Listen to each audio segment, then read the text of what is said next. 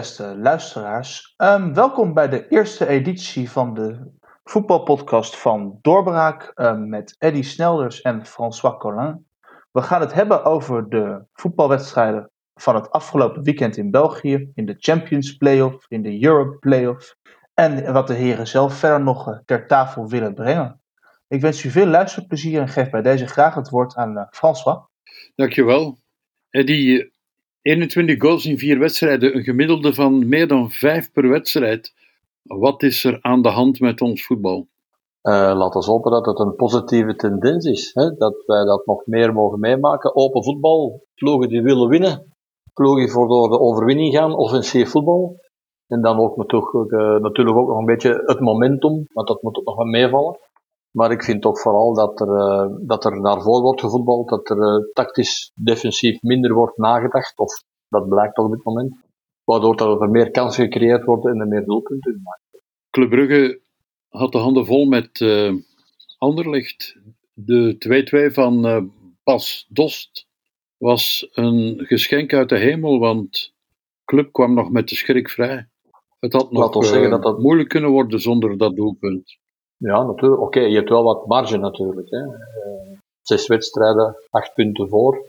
Dan moet het natuurlijk al heel erg tegenslagen. Maar goed, je weet maar nooit, als je in een mindere periode bent, met drie gaat het snel. Ik denk dat dat doelpunt van Doste een hele opluchting teweegbracht in het Brugse kamp. Ten meer omdat je vier minuten voor tijd dan toch uh, al die punten weg, weggooit met dat vrijschopdoelpunt van, van Larsen.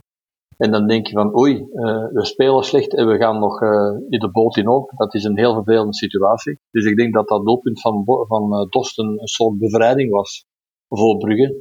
Vooral in de berekening naar de volgende wedstrijden toe. Dus ze weten nu van oké, we hebben onze voorsprong behouden, we hebben de wedstrijd minder te spelen. Dus het is eigenlijk een beetje uitzien voor Brugge na die laatste wedstrijden. En hoe komt dat? Gewoon omdat Brugge in een, in een mindere periode zit. Uh, de motor sputtert, het, het, samenspel is niet meer uh, vloeiend zoals dat weken geleden wel het geval was. En dan zie je dat, dat het moeilijk wordt om, om een overwinning binnen te, binnen te rijgen. En dat was gisteren een, ook het geval. Brugge had moeilijkheden in zijn spel, heel veel afval.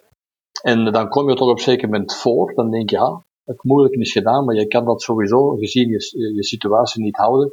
En dat wordt omgekeerd. En dat zijn pijnlijke momenten. En dan denk je op het allerlaatste van, dat punt is toch een bevrijding, want het is niet voor niets geweest. Ja, Club Brugge, waar, waar waren Vormen, Vormer en uh, Van Aken? Ja, Vormer en Van Aken zijn natuurlijk uh, de sleutelfiguren in je elftal. En als, uh, als zij wat minder gaan spelen, ja, dan zie je dat direct op het elftal zelf. Dat wordt er veel minder gecombineerd, ook moeilijker gecombineerd. En dat was, dat was gisteren opnieuw zo. De laatste week hebben zij al wel wat de vormcrisis. zij mogen blijven staan. Rits was daar een beetje de dupe van, want het tactische schuif bij Clement was vooral in die centrale as te merken, met Mitrovic die daarin kwam achteraan Kosuni die doorschoof en Rits die eigenlijk werd opgeofferd. Dus eigenlijk kreeg hij de zwarte piet van de voorbije weken wat toegeschoven. Wat volgens mij heel onterecht was. Maar ook uh, hun twee sterkhouders, uh, die de laatste week al een pak minder presteren, die waren ook niet echt aanwezig. En dan zie je dat dat elftal moeilijk op gang komt. Dus uh, na de wedstrijd werd er nog gezegd, er wordt dringend gesproken worden. Ik dacht persoonlijk dat het in die veertien dagen die nu voorbij waren wel zal gebeurd zijn. Want uh, voor de stop tegen Moes was het moeizaam en de weken daarvoor ook. En dan denk je, ja, die stop die zal toch wel uh, heilzaam kunnen werken met iedereen samen in de kleedkamer. En allemaal is goed een goede babbel met de, met, de, met de trainer en het, het tactische concept wat aanpassen en de spelers toespreken. Maar nu hoor ik Vormer zeggen dat ze dat dringend moeten gaan doen, dus ik veronderstel dat dat nog niet gebeurd is. En dat is natuurlijk wel een remedie uh, in tijd die je, die laten, laten gaan hebt. Want, want het, was het ideale moment om, om iedereen terug op scherp te zetten. In de heenronde was Anderlecht compleet kansloos tegen Club Brugge. In de terugronde won het met meer geluk dan wijsheid. Maar gisteren was het misschien wel de betere ploeg. Compagnie heeft dan blijkbaar toch niet zo'n slecht werk geleverd.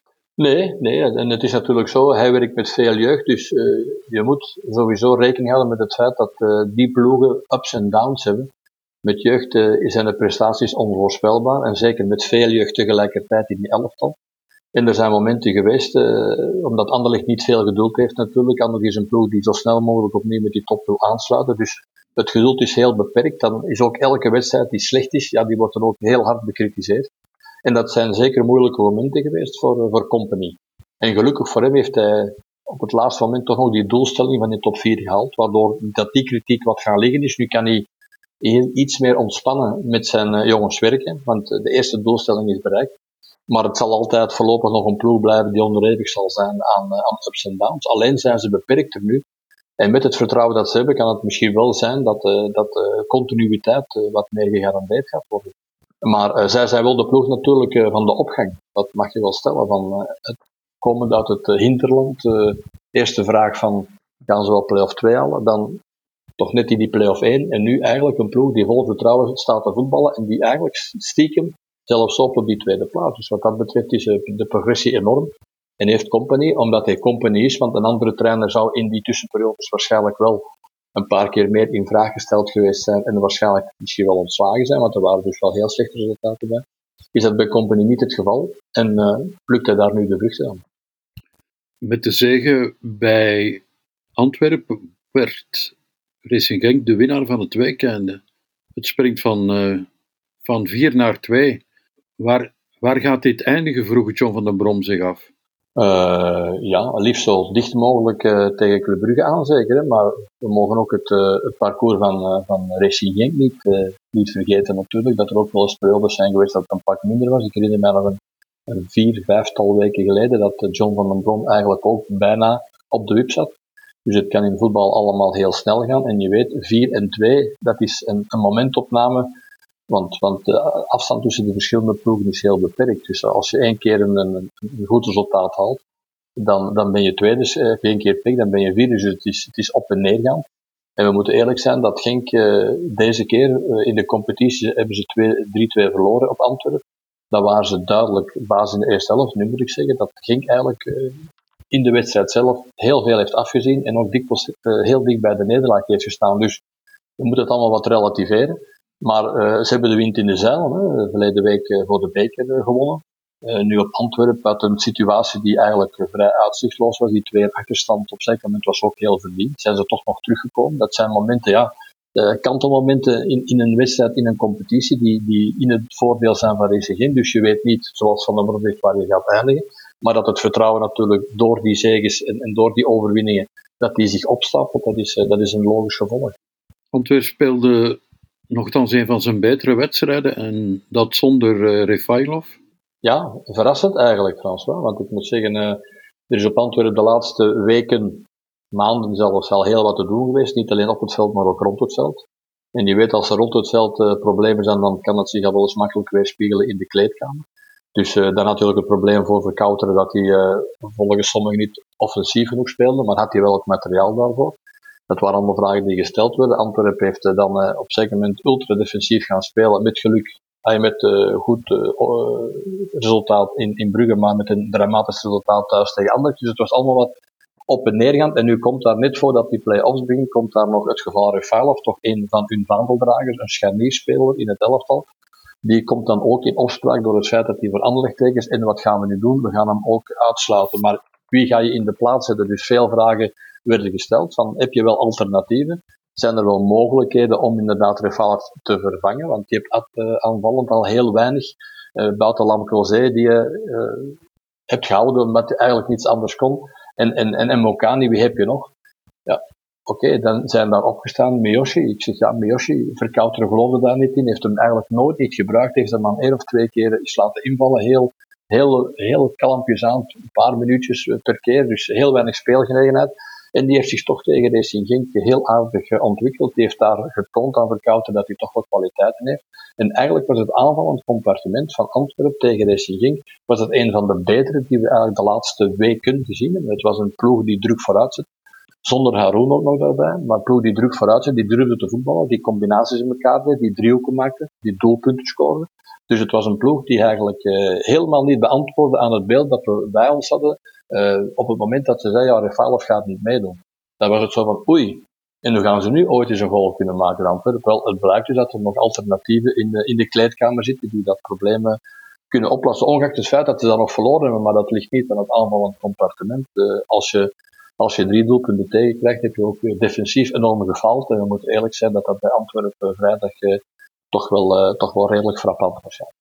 in, in play-off 2, uh, ja, sorry, de Europe play-off, vergrootte KV Ostende zijn voorsprong met een 6-2 overwinning tegen Standaard. De jongens van de kust lijken wel op weg naar Europees voetbal. Ja, tenzij natuurlijk dat ze weer in laatste instantie links of rechts in de fout gaan, zoals ook al gebleken is in de reguliere competitie voor de strijd voor de Champions Play-off.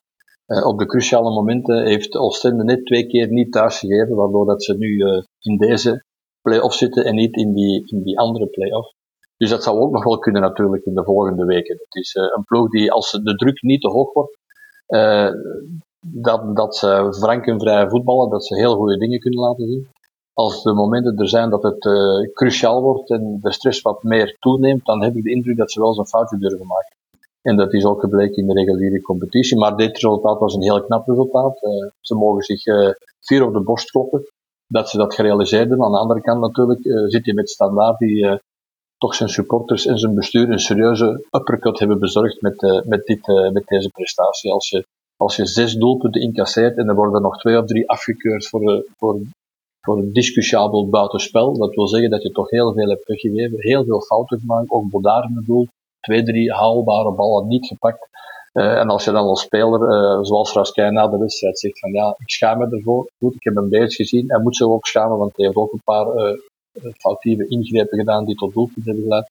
Maar dat is toch wel als ploeg een kaakslag aan je publiek, aan je supporters en aan je bestuur, dat je je zo presenteert in die wedstrijd zoals zij gedaan hebben tegen Oostende.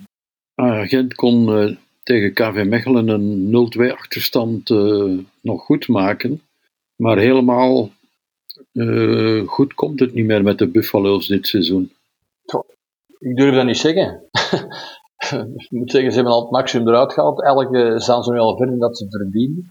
Want dit was een ploeg die heel het jaar eigenlijk uh, in de schaduw, in, in, de, in de duistere orde van, het, van, ons, van de rangschikking uh, heeft, heeft ge, ge, gewerkt.